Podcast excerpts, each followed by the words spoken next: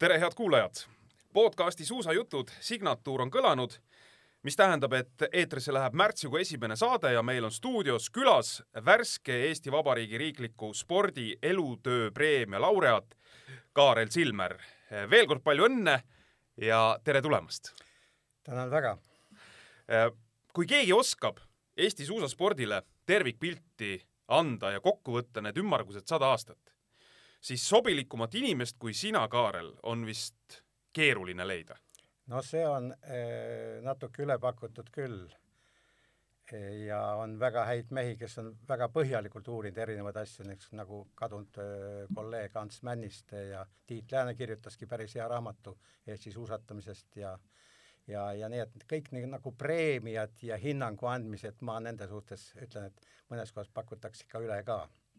Aga me ikkagi üritame täna vaadata sellist tervikpilti, sada aastat suusatamist, kõik siin, kõike loomulikult ei jõua, aga aga mõned verstapostid, ma usun, me saame päris kenasti üle käidud, aga tahaks alustada sinu taustast, kuidas sa suusasporti armusid, kuidas sa sinna jõudsid, sa oled Valgamaa mees. Jaa, ma olen Valgast välja sõita Võru poole viisteist kilomeetrit, Lepa küla, Asu talu, Läti piir jäi, siis oli vaba kõik, Läti piir ja kaunid metsad, Liivimaa metsad jäid sinnasama lähedale, nii et seal, seal sündisin ja, ja käisin neli klassi koolis ja vend Mihkel ka natuke mõni klass tagapool. ja, ja siis edasi juba Tartu? Valga esimene keskkool. Valga esimene keskkool. Valga esimene keskkool ja noh, legendaarne kergejõustikutreener Meinhard Kukli, kes pani ikka kõiki kergejõustiku asju tegema. ja siis muidugi Tartu Riiklik Ülikool, kehakultuuri teaduskond, tuhat üheksasada kuuskümmend neli, need.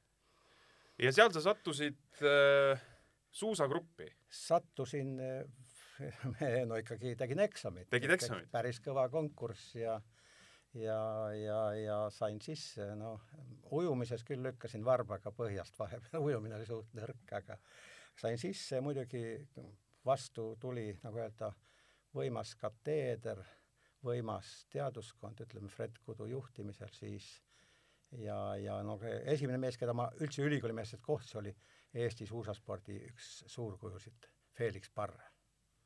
Läksin üles seal mingi kollase lambi taga istus Felix Parre ja siis ajasime juttu ja ülimalt mõnus mees ja, ja niisugune, nii et nii hakkas see töö seal.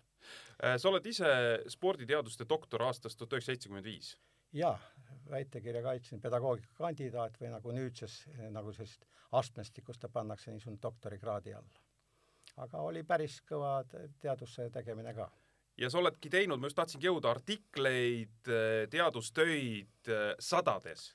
Eh, no ma olen rohkem sellise populaarsema kirjatöö tegija, et mul nagu, ma ise naljaga pooleks ütlen, et mul niisugust Madagaskari teese ei ole ilmunud, et kuskil Madagaskaril on teesid kirjas ja siis oled kõva mees, ma olen kirjutanud rohkem ka venekeelseid asju on ilmunud ja, ja on Soomes asju ilmunud ja, ja Eesti, põhiliselt Eesti inimesele, Eesti huvilisele ja üliõpilasele ja kolleegile ja, ja nii edasi me jõuame sinu mingil hetkel jutuajamise käigus ka sinu veebileheni, mis on ka ülimalt põhjalik ja, ja kulda väärt lugemisvara.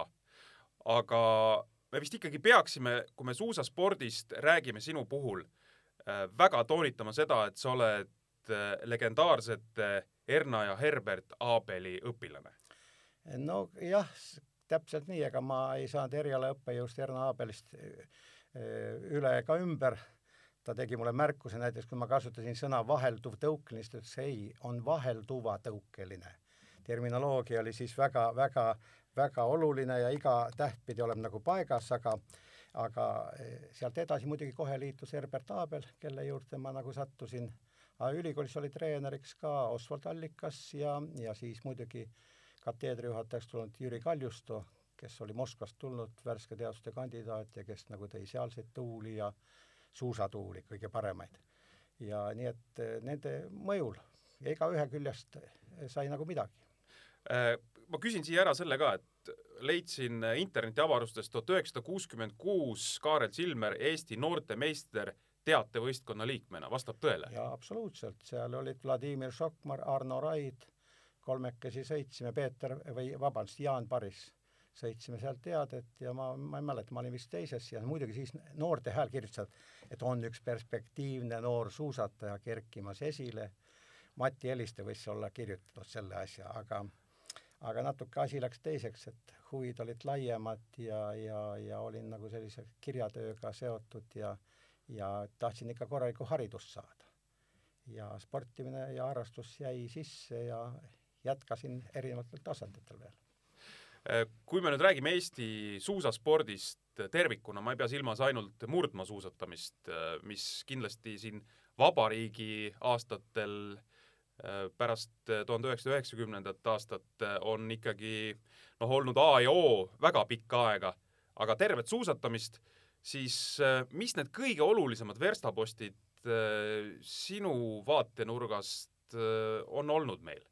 No ise sain ikka vahetult ikka, ma loen seda ülikooli tulekut, nagu siis sai hakatud põhjalikumalt asjaga tegelema ja vaatama nii edasi. no muidugi ka teatud eh, kardin oli ees, ütleme, lahti poole vaadata, sa võisid lugeda või Aasa Loppest olid kuulnud ja, ja aga sai ka Suurt Venemaad eh, käidud vaatamas ja neist neli, neli mm, kuud ma olin Moskvas, seitsmekümnendal aastal olin Keskinstituudis täiendusel. nii et sai ka seda vaadatud aga võime nii äh, ajalooliselt panna paika ikka kogu sõjaeelse perioodi. ja suusatamise mõju, noh, mulle on küll üks serblane tahtnud tõestada, et suusasport on alati Serbiast ma osad väidavad isegi, et äh, Mongooliast näiteks. ma ei, ma ei tee neil takistusi arvamaks niimoodi, aga aga, aga no ikkagi Põhjamaade roll ja ka Venemaa põhjaalade roll on ikka selge, et kust suusatamine on alanud.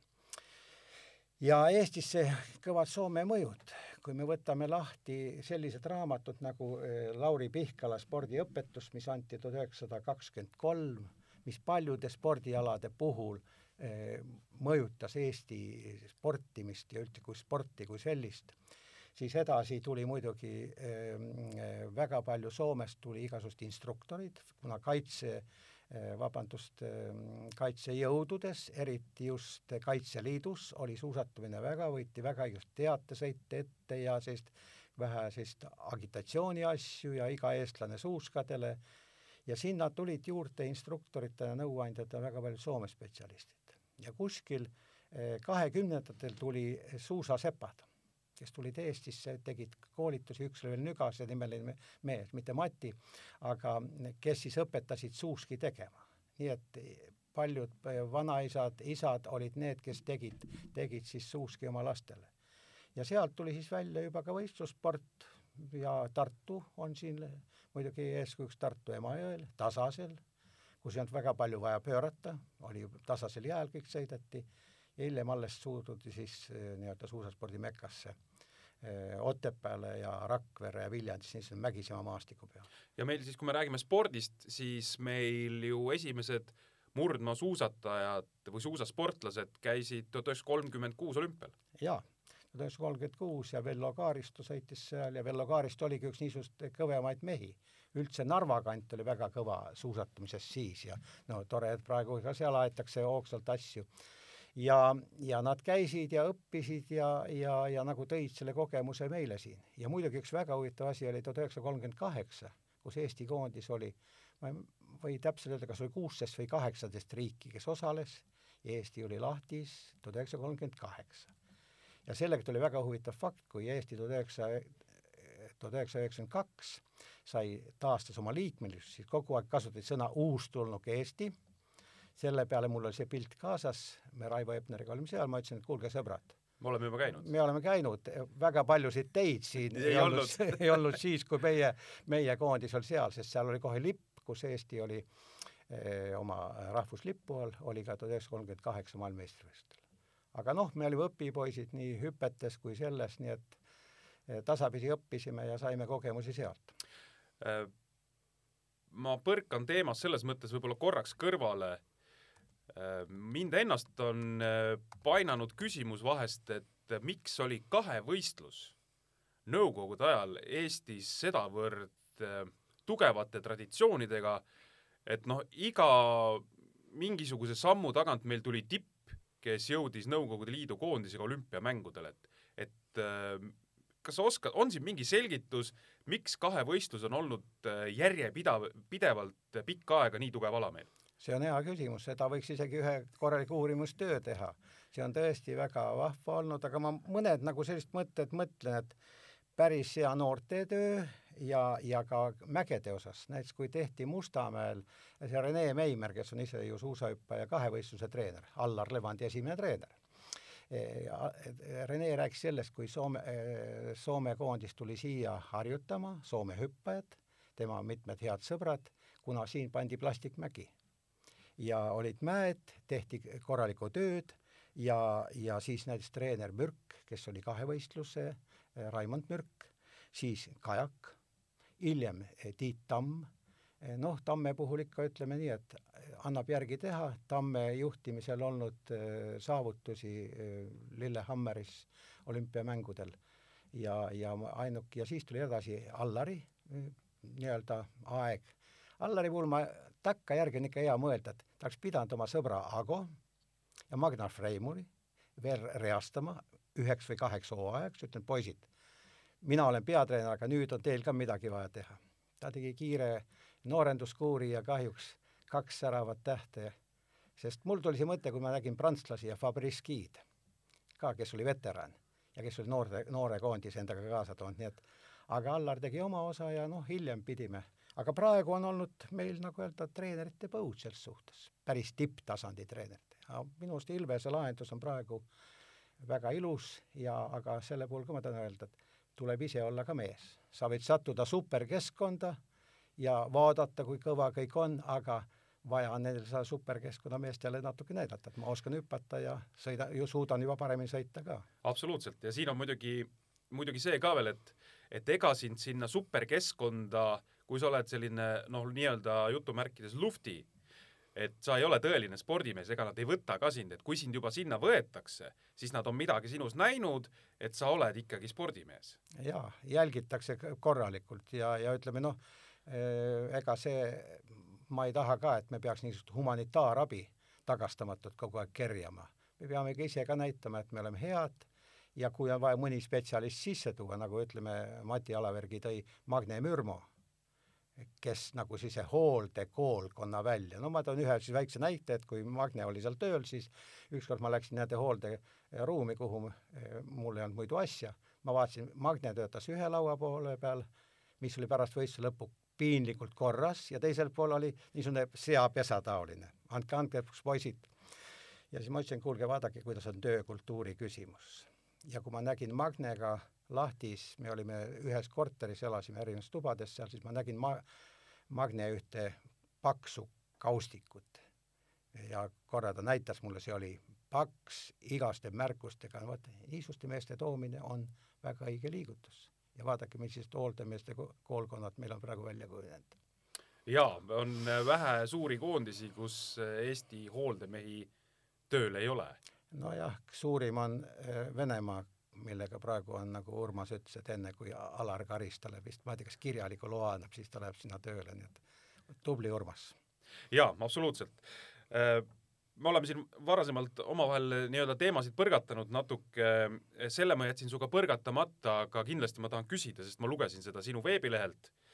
tuhat üheksasada kaheksakümmend viis äh, Seefeld mm, suusa mm, kuidas, kuidas siis täpselt on? Põhja, põhjasuusalade maailmameistrivõistlused on ta täpne nimetus, eks? jaa, et äh, tegelikult väga ajalooline hetk, sest äh, meile tänasel päeval nii tavaline uisutehnika murdmaasuusatamises sai seal lõpliku läbilöögi. jaa, see, ütleme, nädalaga tehti see, mida, mida nädalaga teinekord revolutsioonide puhul tehakse ja ja, ja see oli nii, et me olime kaheksakümmend viis, Krossiga pidime sõitma, tehnikat filmima. Ja muidugi Kross ja ootasin Moskvast väljasõitu ja, ja siis äkki tuli teada, et Kross ei saa sõita teatud tingimustel, no keegi oli kaevanud tema peale siis Krossis, et, et sa pead sõitma, siis ma võtsingi kaamera kaasa ja filmisin seal igast eh, tehnikaid ja esimene mees, keda ma nägin reaalselt, kui me kohale jõudsime, mäkke üles tormas uisuga, oli Allar Levandi. mul jäi suu lahti. ma kujutasin ette, et kui antakse nagu Kundesvani või vabandust, eh, Bill Kochi moodi antakse küljed ühe suusaga hoogu, siis okei okay., aga nii, et te panete ülesse. ja siis noh, niisuguseid näiteid on sellest ajast piisavalt ja neid on ka kirja pandud, et näiteks ütleme, mõni suusataja seal eelmine õhtu proovis, kas ma saan, isegi Bengt Bengtson läks seal, Fissi Pomo läks korra proovima. no tema massi juures oli muidugi raskem äkki üles saada uisutada, aga ta proovis ära, ütles, et jah, me vist lubame seda. Et see õppimine ja asi käis nädala jooksul et siis me vaatasime, kas on äh, pandud pidamismäära alla või ei ole pandud. Anett Pöö, ma vaatasin, ta läks suuskadega, tal oli pidamismäära all. aga järgmine päev ta läks juba ilma pidamismäärdeta, nii et ja muidugi väga hea täienduse kirjutas Eiki Kandola, mu hea sõber, kui ma saatsin talle seda lugu lugeda, palusin kommentaare, ta rääkis, kuidas soomlased olid. seal äh, üks info tuli siit, siis otsustati suusalt lühemaks teha ja Kari Härgonen sõitis seal ju fantastilise tulemuse. nii et revolutsioon uisus, mille mõttes noh, äkki eh, see oli niisugune hetkeline tulek, aga tuli ja jäi eh, kas eh, noh, sa nägid seda hetke nii-öelda, olid seal kohapeal, nägid uisutehnika kinnistusse murdmaasuusatamisse. kas varasemalt ka mingisuguseid selliseid noh, nii-öelda imelikke sõidutehnikaid äh, esile kerkis no seda mitte? ikka kasutati, näiteks Pavel Koltšin tõigi näiteid, kus ta on kuskil kasutanud täpselt mingi finišilõigu peal või lasti ikka, see oli ju uisusamm, aga et see, et selliselt kasutada, see oli täiesti uskumatu.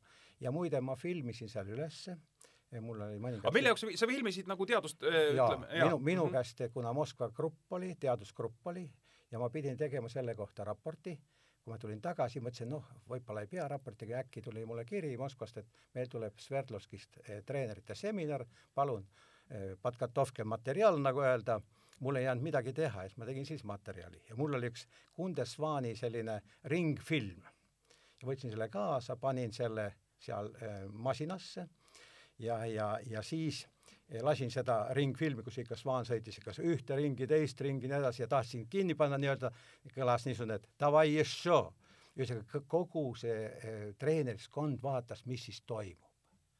ja noh, pärast seda oli, no ma kirjutan ka seal oma blogis ka, et hiljem oli seal üks suusavõistlus Venemaal, kus lumi oli põlvini, aga kuna Pravda oli kirjutanud, ajaleht Pravda oli kirjutanud, et kõik peavad uisku nüüd sõitma, siis pandi seal sumati lumes, nii et otsingud käisid kõvad ja see uisustiil või vabandust, uisutehnika jõudis siia Eestisse ka kiirelt kohe? jaa, absoluutselt, no eh, seal on ju Eesti näide, kuidas ta Siidoni taga üritas ja eh, Vaasalopetil sõita ja see läks nii ja nüüd arvati, et kõik, ainult üks kindlameelsemaid mehi, kes ütles never, mitte kunagi, on Juha Miedo, kes ütles, et, et minul on see kreikalas-roomalas tüüli ja ma jään selleks kindlaks ja paljud vanemadki mehed, noh, enam ei omandanud seda nii nagu vaja jaa, no kui sa tõid siia Allar Levandi näite, et äh, uisutehnika äh, kiirelt ja perfektselt, ütleme, siis äh, näiteks Lennumäel veestiili no ei jäänud kuidagi külge no kuulge, seal on ju kõik, kõik niisugused asjad, ütleme, me mäletame, kuidas Fosbury flopi videokaadrit on, kuidas kõik naeravad tribüünil Fosbury flopi puhul. samamoodi kui, kui oli ka veestiili puhul. Jan Böklevit, kõik öeldi, no kuulge, see rootslane on lolliks läinud mida ta teeb seal suuskade mida ta teeb, aga siis hakati kohe uurima tuuletunnelites kõik Saksamaal ja mis tehti uuringud, kõik näitasid, mida see annab juurde. Ja vaatame nüüd, kuidas praegu iga, iga eh, eh, nii-öelda laiali aetud sõrm ja kõik, mis nagu kannab sind, nii et. Nii et eh, revolutsioonid on huvitavad asjad. jaa mingis mõttes juhtus revolutsioon Seefeldis veel ühe korra, vähemalt meie suusatamises. No,. see, see oli siis kaks tuhat üheksateist see, nendest ohvritest on muidugi kahju rääkida, sest et, et see on äh, see, mida, millest äh, ei saa rääkimata jätta, sest ma toon ühe sellise näite, et äh, ma olin Soome suusatamise saja juubelil olime siin ja, ja siis tuli FIS-i peasekretär Saara Lewis tuli pukki. Ja no kõik Soome kuulsused seal Äh, Sibelius talos nii-öelda ilus hea õhkkond ja siis Saara hakkab rääkima, ütleb, et aga noh, nüüd ma räägin teile kahe tuhande esimesest aastast ka. ja noh, kõik kohe tõsinesid, ütleme nii, nagu öeldakse, et poodumajast nöörist ei räägita. aga Saara rääkis. ja Saara lõpetas väga kenasti, ütles nii, et aga on vaja keerata uus lehekülg. ja vaat selle lehekülje keeramise osaski ma ütleks, et lehekülg tuleb kiiresti pöörata sest mul oli üks selline näide pärast kaht tuhat ük-, üht, eh, Reijo Jülhe, kes oli Soome peatreener, saatis mulle ühe kirja, et kas sa tuleksid Valgeakoskile nende treenerite seminarile esinema. ma ütlesin, Reijo, no kuule, anna andeks, mida mina pärast sellist sündmust saan rääkida. ma ütlesin pikalt, mida ma räägin. ma nägin seal umbes kolmsada viiskümmend Soome treenerit, klubide treenerit, vabatahtlikud, kõik, noh, nii. siis ma ütlesin, et, et kuulge, sõbrad, suusatamine istub teil südames te ei saa seda sealt välja rebida. aga on vaja uus lehekülg pöörata. ja mida kiiremini, seda parem. ja muidugi sa võid sinna taha ja või teinekord võib seda vana lehekülge vaadata veel, et mis ja kus on viga tehtud ja milles tehti viga. ja see ei ole mitte suusatamise kriis, see on usalduse kriis ja, ja see mõjub nagu pikalt, et me teame, et, et kes või mida tegi, mina ei ole uurija, aga ütlen, et usalduskriis on kõige hullem kriis ja see kestab pikalt.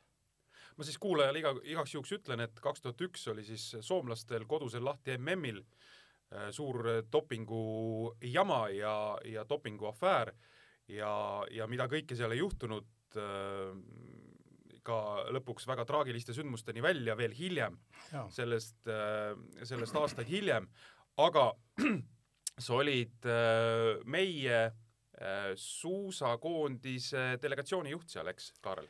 ma olin, ma olin sa olid vist kuuel või viiel maailmameistrivõistlusel järjest, eks? viiel MM-il ja, ja minu ülesanne oli kõik see tehniline pool nagu ülesandmised, kõik ja nii edasi, edasi. ja selle kohta veel, kui tulla eh,, nagu sa ütlesid, ka üks kurb sündmus mul on üks suurimaid elamusi, kui ma olin Ramsaus peale viiekümne kilomeetri suusatust, olin dopingukontrollis, mitte mind ei kontrollitud. see oli siis üheksakümmend üheksa, eks? üheksakümmend üheksa, ja tulin sealt, kus Toomas Uba oli nõretas higist ja elas elu suuri hetki üle ja, ja mina pidin minema siis sinna Andrusega kaasa ja siis istusid seal eh, Botvinov, eh, Müllüle ja Andrus. ja nemad ei saanud juua, mina jõin õlut, nautisin eh, medalit ja ja siis kogu aeg käis kõva jutt ja nii nagu midagi ütles Botvinov eh,, nii, nii Müllele küsis, et eh, mis tähendab puhu. nii et mul oli seal tõlgi osa ka ja see vahetu hetk, kus kolm suurt kuju rääkisid ja ajasid juttu, nautisid kõike nii edasi, nii edasi, mul elu lõpuni jääb meelde.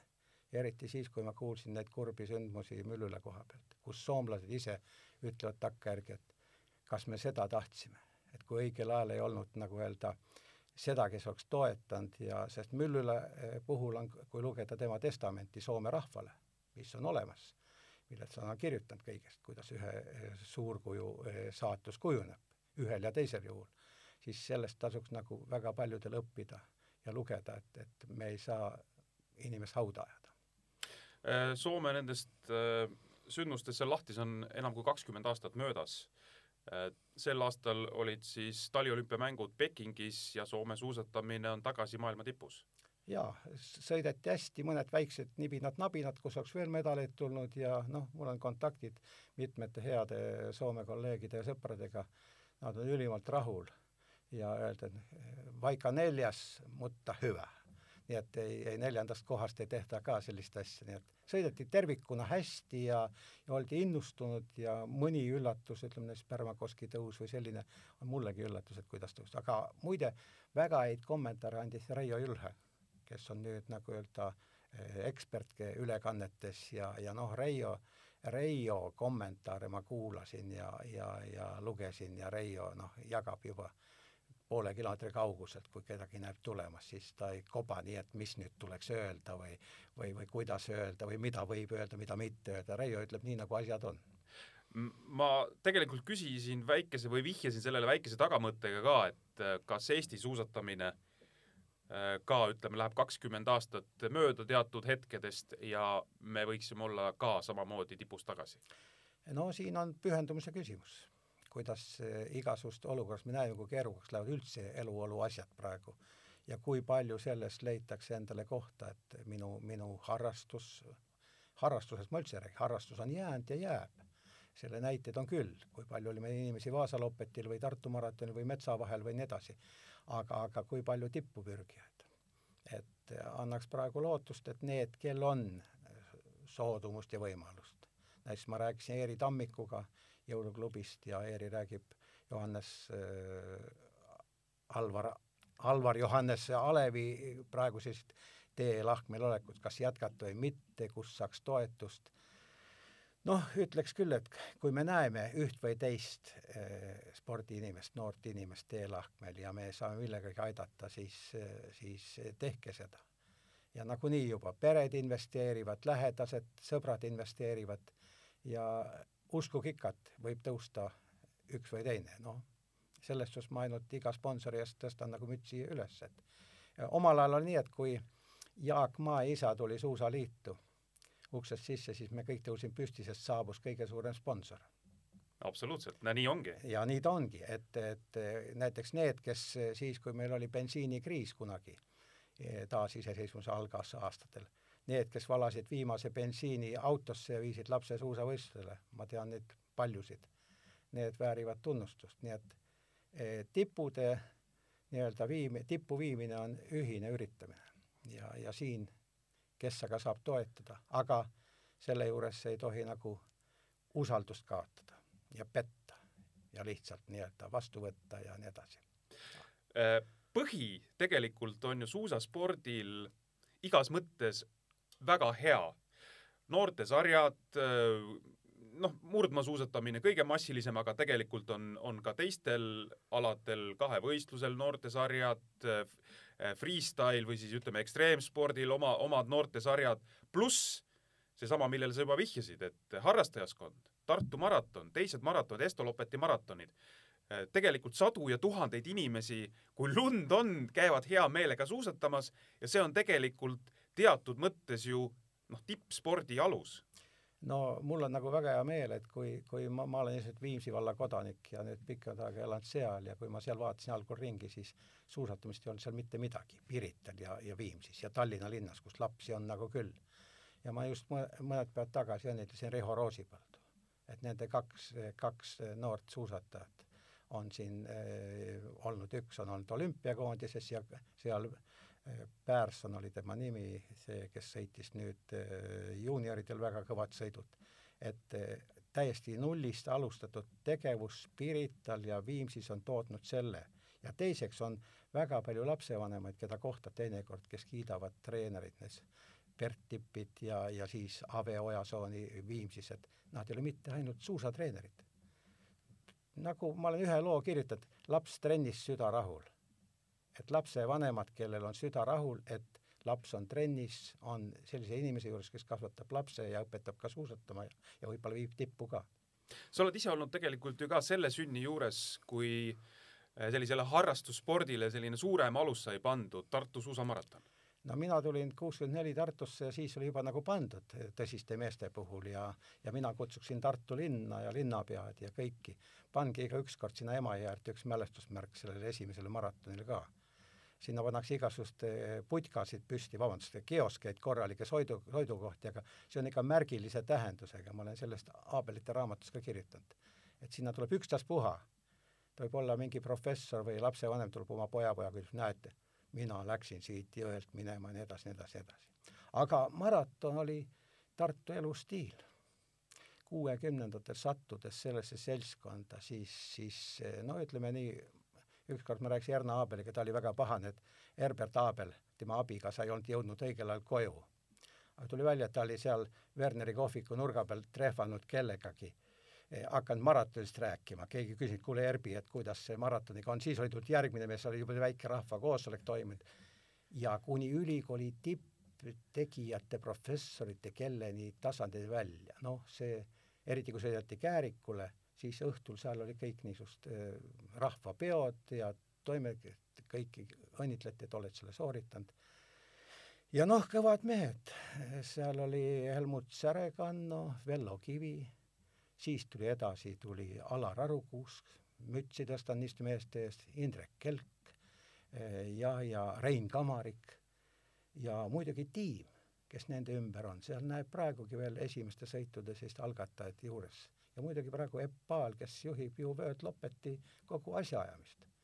kirjutanud suurepärase raamatu rändab paigast paika, koordineerib nii Argentiinast kuni Hiinani välja eh, Vööd Lopeti maratoni. ja ka muidugi müts, eh, tõstan mütsi veel Madis Lepajärjest. kahjuks Madise tee jäi natuke lühikeseks, aga ma nägin Madise Madise rolli ja stiili ja FIS-i kongressil, kus ta siis eh, nagu kogu seda võrgustikku ja Madis ilmus ikka tumedas ülikonnas ja lips ees ja siis öeldi, kes see härrasmees, ma ütlesin, see on üks väga kõva mees, et see on meie Eesti kõvim mees sel alal, nii et Madis, olgu sul muld kerge. sa oled äh, tegelikult äh, päris märgilisi inimesi juba välja toonud, aga ma ei tea, kas ma tohin üldse niimoodi küsida, aga kas Eesti suusaspordis selle saja aasta jooksul on olemas ka mõni selline inimene, persoon, kelleta suusasport, Eesti suusasport oleks läinud hoopis teistmoodi, kui teda ei oleks olnud, ma ei tea, kas see oleks halvem või oleks see parem, aga oleks läinud hoopis teistmoodi. Noh, ma ütleksin üht sellist meest, kes, kes tuli suusameeste hulka, ehkki teda oleks ihanud nagu kõik alaliidud endale presidendiks, see oli Arnold Kreen. Arnold Kreen, me teame tema rolli erinevates öö, spordiasjades, tema ehita-, tema eestvedamisel ehitati Kääriku üles ja, ja ka suusaasjade puhul, no ma siis vahetult suhtlesin väga palju, nägin, kuidas raske on neid asju ajada, siis Kreen, kes oli muidu väga soliidne härrasmees, siis ta, siis ta kasutas ikka sõna kurat ka, ta ütles, kurat, mis asi see on, lähme vaatame, mis see on. ja Kreeni sellisel toetusel said need noh, ükskord oli kuskil mingi, kas oli Võrus või Viljandis mingi asi ei sujunud ja siis ma ütlesin Kreenile, et natuke nagu asjad ei ole, siis ta helistas ja ja vastus oli umbes nii, et jaa-jaa, me juba hakkasime sellega tegelema, et Kreeni sõna siin, seal või kolmandas kohas pluss ütleme noh, ka rahvusvaheliselt, ka Soomes tunti teda väga hästi ja Soome olümpiakomitee ja mõnedki käigud, mida me siiamaani ei tea, mis Kreeni eestkostel tehti. ma veendusin sellest tuhat üheksasada üheksakümmend kolm Falunis, kui me pidasime vabariigi aastapäeva, need ikka satuvad suusavõistluste aega, ja sinna tulid kõik meil FIS-i külalised, Soome külalised ja siis oli seal Kreeni niisuguseid häid sõpru. Ja väga palju Soome eh, pool toetas meid algaastatel. Eh, no ma isegi tean, et ka Lennart Meri käsi oli kuskil mängus, kus öeldi, et nüüd oleks vaja Eesti suusakoondist natuke aidata. Kas see oli Teriniti riie või oli, või oli siis mingi eh, suusakepp või määrdet või nii edasi, nii edasi, nii et sellised persoonid on teatud hetkedel kas või poole sõnaga asja toetanud. Äh, Kelly Sildaru äh, võitis Pekingi olümpiamängudelt äh, freestyle'i pargisõidus pronksmedali. ta on kümnes Eesti sportlane, kes talimängudelt võitnud medali. On seda palju, on seda vähe kogu selle saja aasta peale, kui me nüüd noh, nii-öelda ära öö, mitte lahjenda, vaid kuidagi ära jagame niimoodi kogu selle saja aasta peale või või kuidas ma ütlen, et me oleme olnud väga edukad või me oleme olnud väga edukad. No ega soomlastel on üks ütlus roppa kauballa, et vahepeal tuli neid liiga palju juba või noh, üllatavalt palju, et no ütleme, Torinod ja, ja need asjad on nii, et väikse riigi ja väikerahva kohta on see muidugi hea ja, ja, ja me näeme ise noh, kas või Kelly viimane medalgi, kuivõrd läbi milliste erinevate olukordade kõik see lõpuks tuli ja lõpuks on ta sul null koma mingi punktiga seal nii-öelda, kas ta nüüd pööras täpselt nii palju või teistpidi läks nii kõrgele või nii kõrgele, siis, siis, siis eh, see, kõik see sellised saavutused on äh, vägevad. ja noh, kõikide saavutuste puhul ma ainult mõne olümpiavõitjaga olen ka siin mõnikord vestelnud ja ütlen neile niimoodi, et te olete olümpiavõitjad või olete olümpiamedalistid või olete teinud kõva tulemuse või Raul Olle, sina oled Vaasa Lopeti võitja ma tean nii palju norralasi ja soomlasi ja rootslasi, kes ihkaks seda võita, aga see pole neil õnnestunud. et kui te olete sellise tiitli omanikud, siis ärge vahetage ennast peenrahaks, jääge lõpuni olümpiamedalistideks, võitjateks, nii edasi, nii edasi. et noh, Kelly puhulgi ma ütleks, et ta eh, tänab ühte, tänab teist ja alati võib-olla kõik need ei ole nii, aga tema loodud kehakool lapsest peale on kuskilt kaugelt-kaugelt ja, ja see on aidanud vigastustelt ja kõigest välja tulles edu ja soovin siin edu Kellile, et see on alles algus, millel võiks kauneid jätkusid tulla. kas tänapäeva suusasport, eh, ma pean silmas üldse tervikuna, mitte ainult suusatamist, vaid jällegi, alasid tuleb juurde, kõik läheb mitmekesisemaks, vaatemängulisemaks. kas tänapäeva suusasport on hoopis midagi muud, kui me võtame kakskümmend viis aastat tagasi, viiskümmend aastat tagasi, teine maailm no muidugi no kui ma olen ise teinud eh, mingisuguse poolpiduse Buraniga, teinud eh, Tartu maratonirada, jäänud seal kuskil Unipiha juures eh, drenaažikraavidesse kinni ja mõelnud üldse enda osast suusatamises, kas ma lõpetaks homsest päevast ära, läbimärg, väsinud, ja kui ma nüüd vaatan praegu neid Eesti terviseradade võimsat võrgustikku masinaid, noh, viimane väga kihvt masin toodi Kõrvemaale ja sellele pandi nimeks Jüri. see austamaks Jüri Voodla tööd, mis ta on teinud Kõrvemaa radadel pikkadel aastatel. Nii et kui keegi, Jüri on metsast juba tulnud või siis mõeldakse ikka masinat, masinat ja võib-olla seal Voodla Jüri ka. nii et, et muidugi on muutunud ja, ja meil ainult tahetakse väga ideaalseid tingimusi alati. aga ma ütleks, kui laiem ring kuulab, siis eh, tehke lihtne rada paksust lumeks, ajage oma kodu juurde, noh, lastele võiks teha seal Valge Klaari ja Antonovka ja Tikri põõsa tagant üks väike, kui on väike küngas, siis palun, kui vaja, ehitage see ise, et niisugust lihtsat asju ka. ja noh, varustuse osas on nii, et nõuvaks sousk, enam ei ole mingit määret, tõrvalõhn on ammu haihtunud, haihtunud. mul on küll üks, muide, määrtekastis mul oleks määre, mis on omal ajal keedetud, see on tuhat üheksasaja kolmekümne kaheksanda aasta määre ja kui ma võtan karbi lahti, tõrvalõhn, seal on siiamaani säilinud. ja kõike saab osta, kõike saab nii, aga ma ainult ühte asja ütlen, et treenitust ei saa osta. Harjutada, treenida ja oskust tuleb ka nagu kuskilt saada, et otsige suusaõpet või vana e, suusataja juurde ja nii edasi, nii edasi. ja siis muidugi nüüd on väga lihtsaks minnakse, et enam e, vaheldutõuket ei ole vaja, võid paaristõuke kõik läbi uhada mul on seal oma blogis on viiskümmend viis suusatamisviisi. ja ma jään ikka selle juurde, et kõik võiks nagu, kõike võiks nagu osata. nüüd ainult küsimus, kuidas sa kasutad seda. no reeglina kasutatakse eh, niisugune kuskil kuut-seitset viisi, paaristõuket ja nii edasi, edasi, ma ei hakka tehnikasse minema, aga mida laiem skaala, seda parem. sest vaja on kuskilt seda võtta. ja edasi teadlik harrastaja nii mitte ainult suusatuses, ka muus, ta on lugenud, uurinud, nüüd ta küsib. ja üks mu selline põhimõte veel, mis ma ütleks, et eh, mul on slogan eh, veebis seal, et kui ujuda peab oskama, ujumine on elutähtis asi, siis Eestis võiks osata suusatada. meil sel talvel, ma arvan, väga paljud on õppinud, saanud siin oli Pärt Uusberg on vist tema nimi, helilooja, kes kirjutas, et ta on leidnud, avastanud, ta ei saa kohe istuda, ta peab minema kohe suusatama, meil oli kirjavahetus, no vot sellised asjad teevad südame rõõmuks. Ja Covidi tingimustes, näete, välja minna ja suuske ei lase sul lähemat distantsi kui kaks meetrit ka võtta. Ja on väga hästi sobinud ja seda on agaralt kasutatud.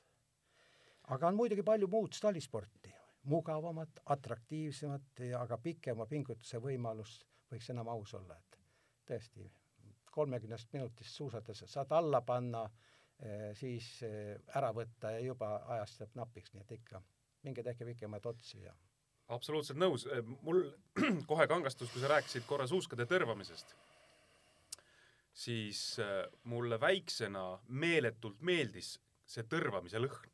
Kui äh, isa kodus äh, lasi selle leeklambiga äh, suusa alla ja, ja kõik, ma olin seal juures ja ma, ma kujutan ette, et tänasel päeval võib-olla mu oma poisile meeldiks samamoodi, kui isa kodus tõrvab suuski, aga seda võimalust noh, enam ei ole. ei ole muidugi.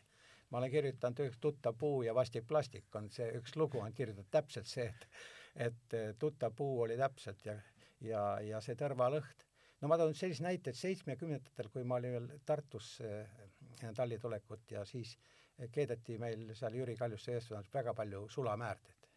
ja Kampfol on üks väike osa suusamäärde, eh, suusamäärtest. ja seda Kampfolit me tõime tipist sealt kuskil seitsesada kilo, üks suur paak. ja tõrva tõime Kilingi-Nõmme mingit köievabrikust ja läksid aastad, mõned ja terve see Kampfol oli kõik ära keedetud määreteks ja nüüd on nõuvaks. ma ise sõidan ka selle, sellise suusaga skinny suusaga, kus ei ole mingit pidamist, noh, ei pea raiskama ja, ja saab edasi küll. jaa, ja suusad jäävad ka terveks, et puusuuskadega oli see jama, et kui sa läksid poisikesena noh, sõpradega sõitma, ega kes siis tahab äh, väga pikalt lauskmaa peal sõita, ikka tahad kusagilt alla sõita ja siis kippus juhtuma, et need suusad läksid katki, et äh, tänapäeva suusaga seda muret nii palju ei ole.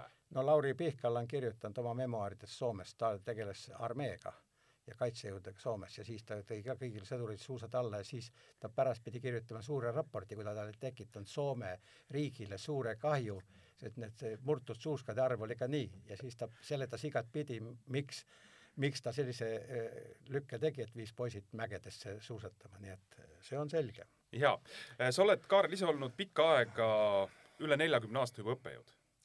no alustasin tööd tuhat üheksasada kuuskümmend üheksa detsember. Nii et praegu mul, kui ma nüüd ikka maini vastu pean, siis mul on saja viies semester lõpeb nagu töös ülikoolis. Tartus kümme, pea üheksa aastat Tartus ja siis edasi Tallinnas. Äh, sa oled kõige otsesemalt äh, viinud seda suusasporti Eestis edasi, andnud äh, Äh, tarkusi, teadmisi noortele, kellest saavad hiljem treenerid, õpetajad? Jaa, siin üksi, üksinda mitte, aga head kolleegid nii Tartus kui Tallinnas. Ja, ja, ja muidugi algul, kui ma läksin Tartusse, Erna Aabel saatis mulle kirja, ma olin siis Nõukogude armees, minu relvaks oli Maxim kuulipilduja, ma olin Karjala maakitsusel, kaevusin. Oletatavat vastast, just sealt eh, pidi lääne poolt tulema või põhja poolt, aga hea sõber Soomes küsis, et kelle vastu sa siis nagu seisid. ja sel hetkel sain ma nagu kirja Erna Abelilt, et kas ma tuleks Tartusse tööle, kuna eelmine õpetaja Peeter Paris, minu kursusejuhendaja, oli surnud. ja, ja siis, siis kui ma tulin armees või tagasi detsembris, nii kuusteist detsember tuhat üheksasada kuuskümmend üheksa asusin Tartusse tööle ja algul mulle anti siis üldrühmad, mul olid seal matemaatikud, füüsikud, need paljud sõidavad praegu maratone. Äh, Jüri Viikberg, Wiedemanni keeleauhinna nominant käis mul rühmas, siis Rait Maruste käis meie rühmas, tast sai päris hea jurist ka. Nii et see lai kehaline kasvatus ja hiljem siis tekkisid treeningrühmad ja, ja, ja siis õppelaagrid muidugi pikad Käärikul ja tulles Tallinna sai kõike seda tööd jätkatud siin, niisugused kolleegid nagu Ants Männiste, Mart Edur Rene Meimer, Kalle Allik, Agnes Levandi, noh, see on olnud suurepärane seltskond, kellega koostööd teha. kas siis vanasti oli, mm, kuidas ma nüüd natuke parafras-, parafraseerides, et äh, mitte äh, rohi rohelisem, aga lumi valgem, et osati siis paremini suusatada kui tänasel päeval või kuidas need asjaolud on? Eh, ikka, nüüd ta jälle natuke paraneb, vot kui tekib tingimusi ja sulle, sa ei pea kuhugi kaugele minema, sa ei pea praegu sõitma Haanjasse spetsiaalselt, et Haanjas on väga head rajad. sa võid minna siinsama Nõmmele, Piritale, Kõrvemaale, näiteks Kõrvemaa jääb eh, enne Haanjat tunduvalt odavam minna kui ka, ka, ka kaugesse minna, nii et see kõik on nagu tõstnud sellist taset. Ja, ja nüüd natuke nagu suhtumine sellesse, et noh, ka niisugune normatiivne asi kaob ära, pigem oskus kui võimalus. Ja mul on nagu hea meel vaadata, et kui mõned Tallinna koolidki, suured koolid teevad oma niisugust talvepäevi siin Kõrvemaale, tulevad bussidega edasi, edasi, ega seda vägisi, seda nagu ma mõnikord mõne tudengi puhul olen ka öelnud, kui ta ütleb, et ma ei saanud ikka tulla, siis ma ütlen, ega me häid asju kohustuslikuks ei tee. et ei tule nagu kohustuslikuks teha, vaid see, et ta saab nagu aru, ja ke-, kes peab õppima, et ta ei hakkaks vihkama, ta tuleb laagrist, et ta enam ei taha nähagi. vaid pigem vastupidi, noh, siin on häid näiteid siin. judokas eh, Aleksei Pudõlin. Aleksei Pudõli tuli, oskus oli null ja siis kolm päeva õiged harjutused õiges kohas, hea õpetaja, Aleksei pühenduvus, neljandal päeval sõitis juba Tartu maratoni rada esimest otsa, tuli tagasi ja reedel juba küsis, kust saaks suuski osta, noh, see on niisugune hea näide, et et kui sa nagu ära ei riku ja, ja, ja, ja näed, et ta võiks. ja harrastuskond on täpselt samamoodi, nad õpivad, küsivad ja, ja, ja nii edasi, edasi. ja see toob nagu harrastuse ja oskuse ja, ja siis mõne mõtleb, et võiks natuke kiiremini ka sõita ja pikema otsaga ette võtta ja, ja nii edasi, nii et. Kas Eesti suusaspordis, kui sa nüüd vaatad jälle hästi laia pilti, on selle saja aasta jooksul jäänud ka midagi tegemata, mida sa ise oled mõelnud, et et olgu see siis mingi infra, olgu see siis mingi suund, et midagi me oleks võinud teha veel lisaks, mis noh, mis, mis, ma ei tea, on olnud ka kuskil vaidluste teema või mis iganes, aga on jäänud tegemata või, või ei saa öelda, et me oleks nüüd noh, nii-öelda midagi käest, käest ära lasknud? ma ei tea, mul võib olla nagu üks asi, et kui ma näiteks olen siin erinevate niisuguste koolkondadega, eh, noh, me võime öelda, et meil oli ka perekonnad olnud, Aabelid, Bergmanid, Luukinid, Pääsukesed, Aavolad, et eh, kui me võtame kõigi nende tööd, siis see on meeletu varamu, mille põhjal nad on eh, kasvatanud eh, sporti eh, vajalikke ja, ja edasi jõudnud, noh, näiteks ütleme Viljandski kas Urmas Müür ja taolistest veel, Luukide juurest rääkimata või Pääsukaste juurest, no näete, siin on ju kõva koolkond. et nende nagu sellist kõiki kogemust me saaks nagu kokku võtta ja üldistada ja, ja sest ei ole asi muutunud sada kaheksakümmend kraadi midagi muud vaid noh, Laur Luukingi on kirjutanud suurepärase noortetreeningu raamatu ja kui ma Lauriga algul nagu rääkisin, et Laur, kuule, istu ja pane kirja. Lauri ütles, superraamatu. nii et ühesõnaga taoliste mm, kogemuste nagu selline eh, noh, keegi võtaks ette, igaüks ei ole kirjutaja, keegi tuleks ja kirjutaks ja paneks kokku ja, ja vot see on, see on varamu. see on varamu, mille põhjal nagu ütleme, noor treener hakkab tööle mõtlema, kuidas ma teen, mis ma teen ta võtab selle Laur Luukini raamatu, loebki läbi, tal juba mõtteviis, arusaam, eh, mõningad näidisasjad ette, nii edasi, edasi, et, et noh, see, selle, selle varamuga võiks nagu rohkem tegeleda see on olemas. ja no sa, eks sa tegelikult ju oled ise seda tööd hästi palju teinud, ma nüüd jõuan sinu sellele veebi, eh, suusatamise veebileheni, et see on ka nagu noh, täiesti noh, asendamatu või, või selline, kui seda tööd ei oleks tehtud, kui sa ei oleks seda teinud, siis äh, kuskohast neid materjale saaks? no vot ongi nii, et, et kui, kui, kui on olemas niisuguseid asju, noh, siis tuleks nad kuidagi talletada ja noh, kui tekkis niisugused veebikeskkonnad e, e-õpe näiteks tekkis ülikoolis ja siis ma sain sellist viiblikeskkonna ja natuke nõustamist ka ja siis ma nägin, et see kõik on võimalik üles panna ja, ja, ja paned nii, nagu tahad, sest noh, ütleme, kui sa võtad jällegi mingisugust eh, ajalehti, ajakirju eh,, seal ei ole lihtsalt ruumi eh,, kohti, ka kõige parem eh, sõber, toimetaja ütleb, kuule, sorry, ma pean siia mingi reklaami sisse panema, mul ei ole seal ühtki reklaami, noh, mõned, mõned toetajad on ära toodud. nii et sa saad nagu kõik sinna panna. no keegi ütles, et näed, seal oli see viga, ma ütlesin, noh, see näitab ainult, et inimene on seda teinud ja Priit Pullerits küll ütles nii heas toonis, me Priiduga meil avaldamata kirjavahetus käib temaga kogu aeg, ja Priit küll ütles, et Silmer kirjutab inimese surnuks. ma ütlesin, ma ei ole kuulnud sellest juhtumist, aga aga kui mõte jookseb, kui on võimalus, kui mõnikord ongi hea pilt, sa tead, et mul on see pilt olemas, siis ma panen ta sinna sisse. no näiteks ma viimase eh, postituse saatsin ka sinna Dario Coloniale, palusin edasi anda, kus ma olen Dario Coloniast kirjutanud Sotši mängudele tal enne seda oli vigastus. ja võis arvata, et Dario Colonias pole midagi, aga see, kuidas Dario Colonia oli teinud tööd oma vigastusega, ülakeha, kätega, see jättis kohe mulje, sa nägid, kuidas ta tegi. ma panin sinna need pildid sisse ja läks nüüd äh, Kein Einaste kaudu, et äkki ta toimetatakse Dario Coloniale ka, et, et on suur staar olnud ja, ja, ja tundnud ennast, teinud hästi ja mulle meeldib niisuguseid eh, asju leida, mis natuke erinevad sellest eh, niisugust eh, tavameediast, mis vabandust väga, mis, mis no nagu natuke kammitsad on peas ja, ja, ja keegi peab ütlema, et nüüd on vaja kindlasti kirjutada. ja vahel torkab nagu see asi, et kui meil on ka niisugused halvad asjad, nagu meil siin on olnud, siis me ei saa kuskil pidama enam selle asjaga. me kirjutame veel kord, kümme korda, leidsin veel mingi nurga ülesse. no poisid, ma saan aru, case oli raske, kõik, eh, leiame midagi muud.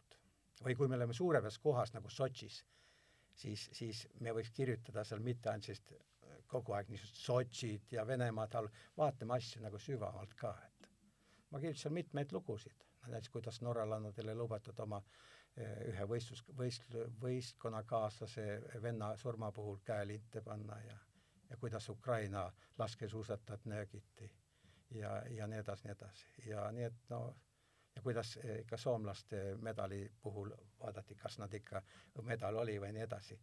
no videoülekande screenshot'iga saad võtta täpselt selle hetke ja näha, et seal ei olnud päris nii.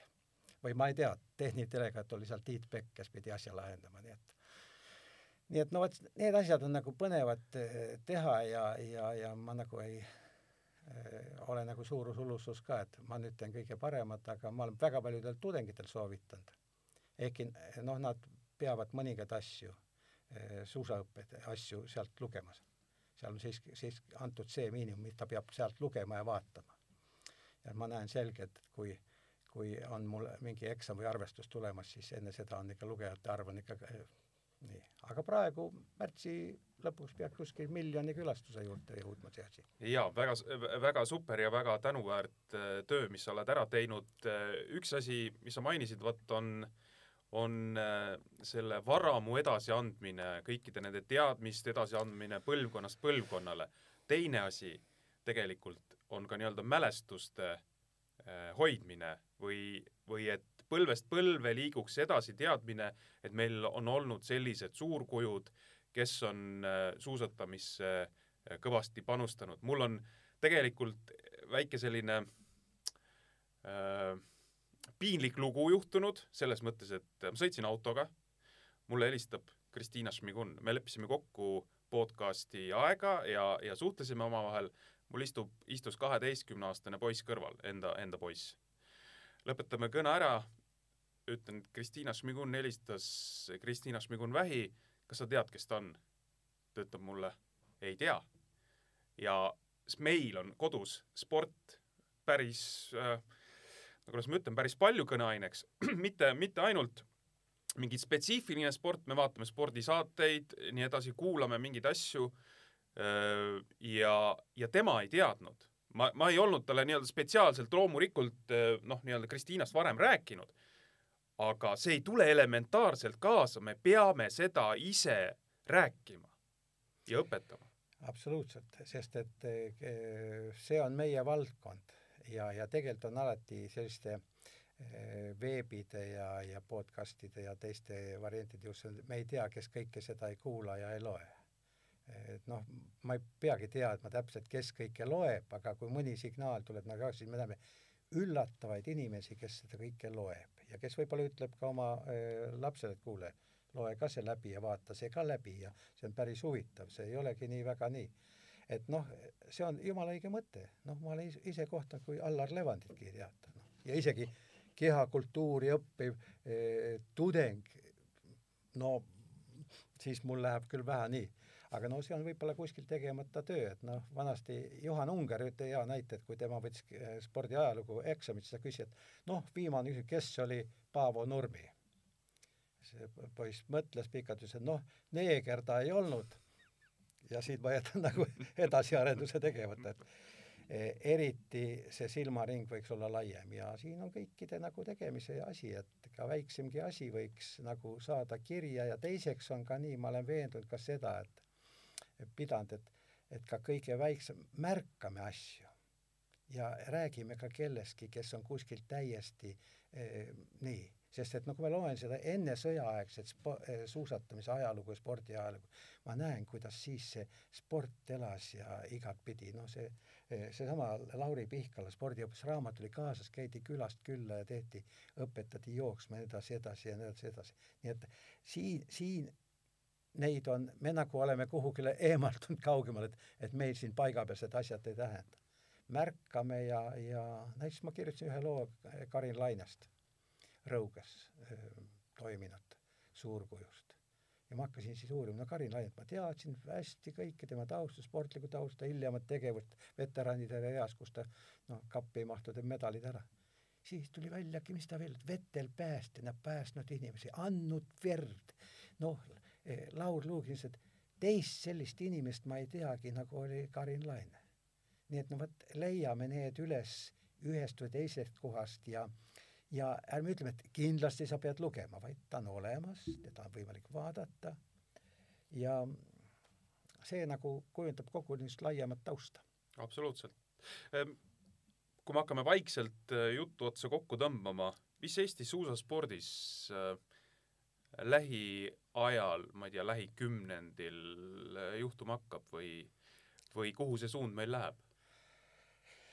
noh, siin on eh, täna on muidugi noh, eelõhtu ühele suurele sündmusele, näete, laskesuusatusmaailm on jõudnud Otepääle, ma õnnitlen laskesuusatajat ja see on nagu väga ilusa eh, jätku, mida on teinud kahevõistlus ja murdmaa ja, ja, ja võib-olla kunagi freestyle'is tehakse mingi hüppe siia Munamäele või, või, või, või, või, või teeme kesklinna kas või, või Vällamäele või Lauluväljakule või kuskile, võib-olla tuleb ka mingi, midagi taolist siia pea tööle, aga aga selle puhul ma ütleks niimoodi, et et eks kõik sõltub sellisest taustast ka, sest me näeme praegusest, ma ei kujuta praegu ette, ehkki noh, kõik aetakse poliitiliseks, praegu Venemaa olukordi, noh, ma nadu mõtlesin siin ka praegu olukorda, mis tekkis Holmenkollenis Äh, tekkis seal ja, ja kuidas ütleme, maailma üks äh, liidreid praegu Boltšunov ja kogu tiim peab minema sõitma ja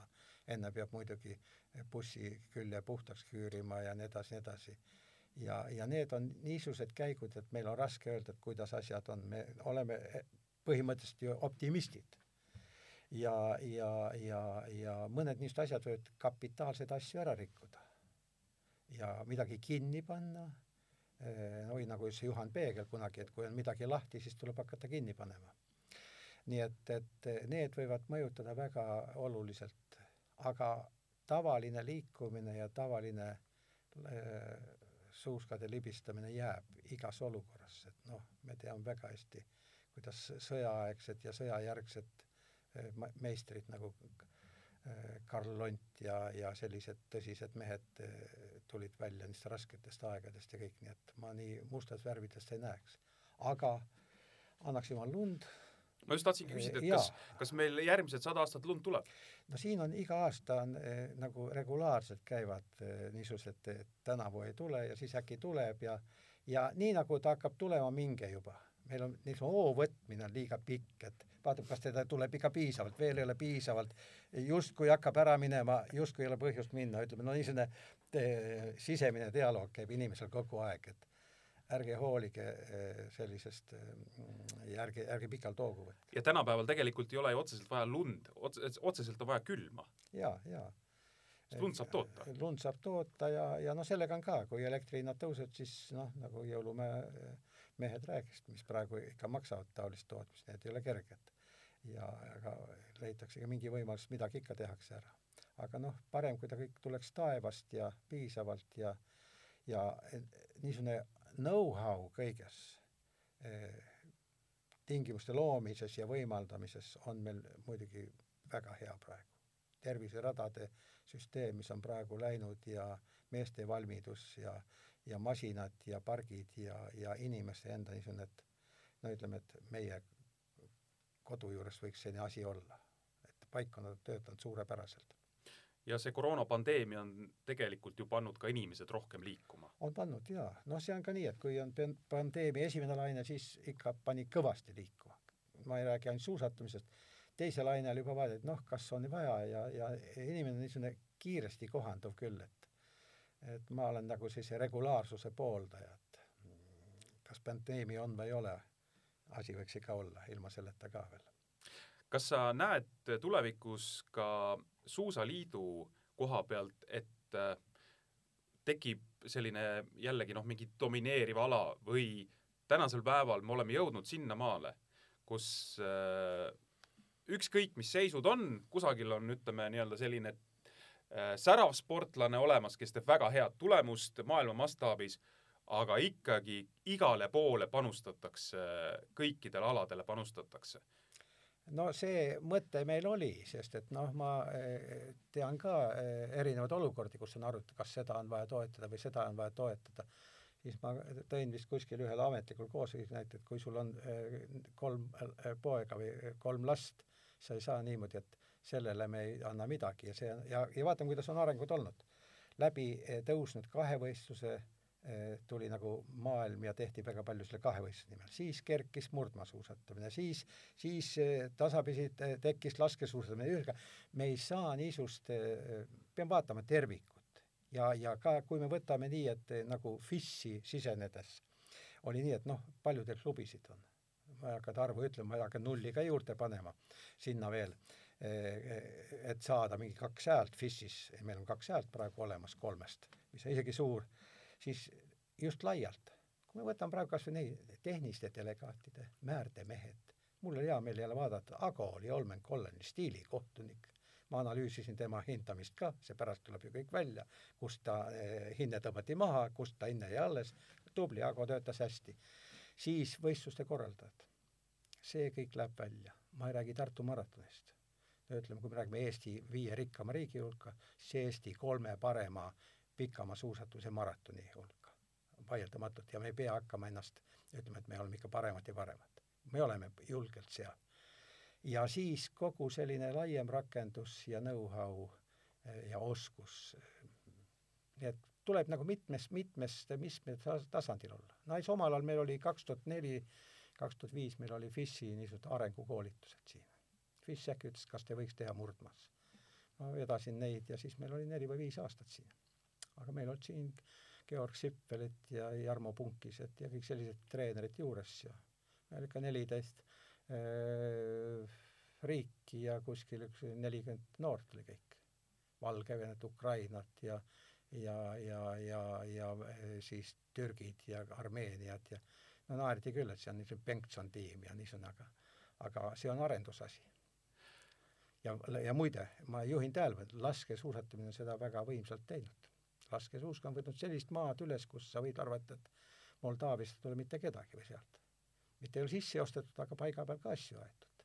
et see on nagu arendusküsimus FIS-is laiemalt ja, ja ka meil, et me võiks sellest nagu öelda, olla kaasas.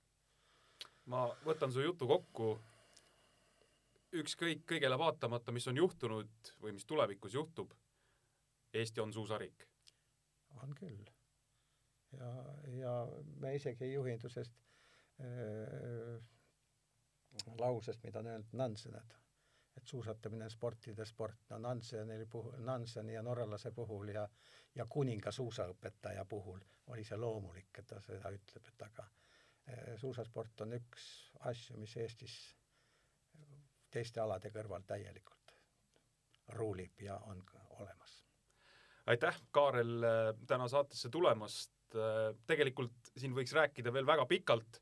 no üks semester, nagu mul on kombeks nagu sul on kombeks jaa. et äh, saja viies semester saab siis jah? jah, see on ametlikult. ametlikult.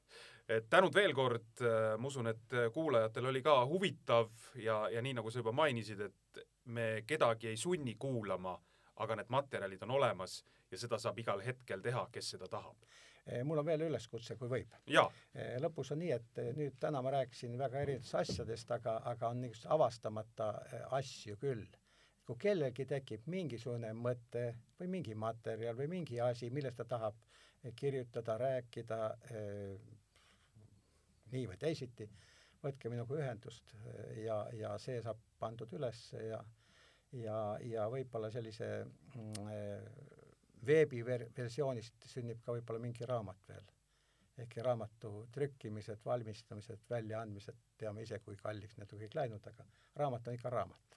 absoluutselt ja, ja ma tänan sind, Kaarel, ka selle eest, et sa täna võtsid siia kaasa Aabelit sada meenutuste ja, ja tänuga sellise vahva raamatu, nii et kindlasti äh, Äh, ma loen selle läbi ja, ja panen siit üht koma teist kõrva taha. Äh, noh, siin on Abeli puhul on nii, et, et kui me selle tegime ja siin oli mul häid äh, kaaslasi ka, Vladimir Šokman Tartust, võistkonnakaaslane aastast kuuskümmend kuus, siis Tartu linn tuli siia taha ja, ja, ja ma saatsin ühe raamatu ka Tartu Ülikooli rektorile. ja saja-aastase Rahvusülikooli raamatukokku läks see ilusti üles ja rektor ütleski, et see on väärtuslik asi seal nii et, et see mõningatel küsijatel, et miks, kuidas te siis nüüd äkki selle tegite, siis ma ütlesin, aga kes siis veel, kui mitte meie ja millal siis veel, kui mitte nüüd. nii on. tänud kuulamast, kasutage veel head suusailma, meil on märtsikuu, meil on külma, meil on lund ja mis muud kui kohtumiseni taas või kuulmiseni taas järgmisel nädalal.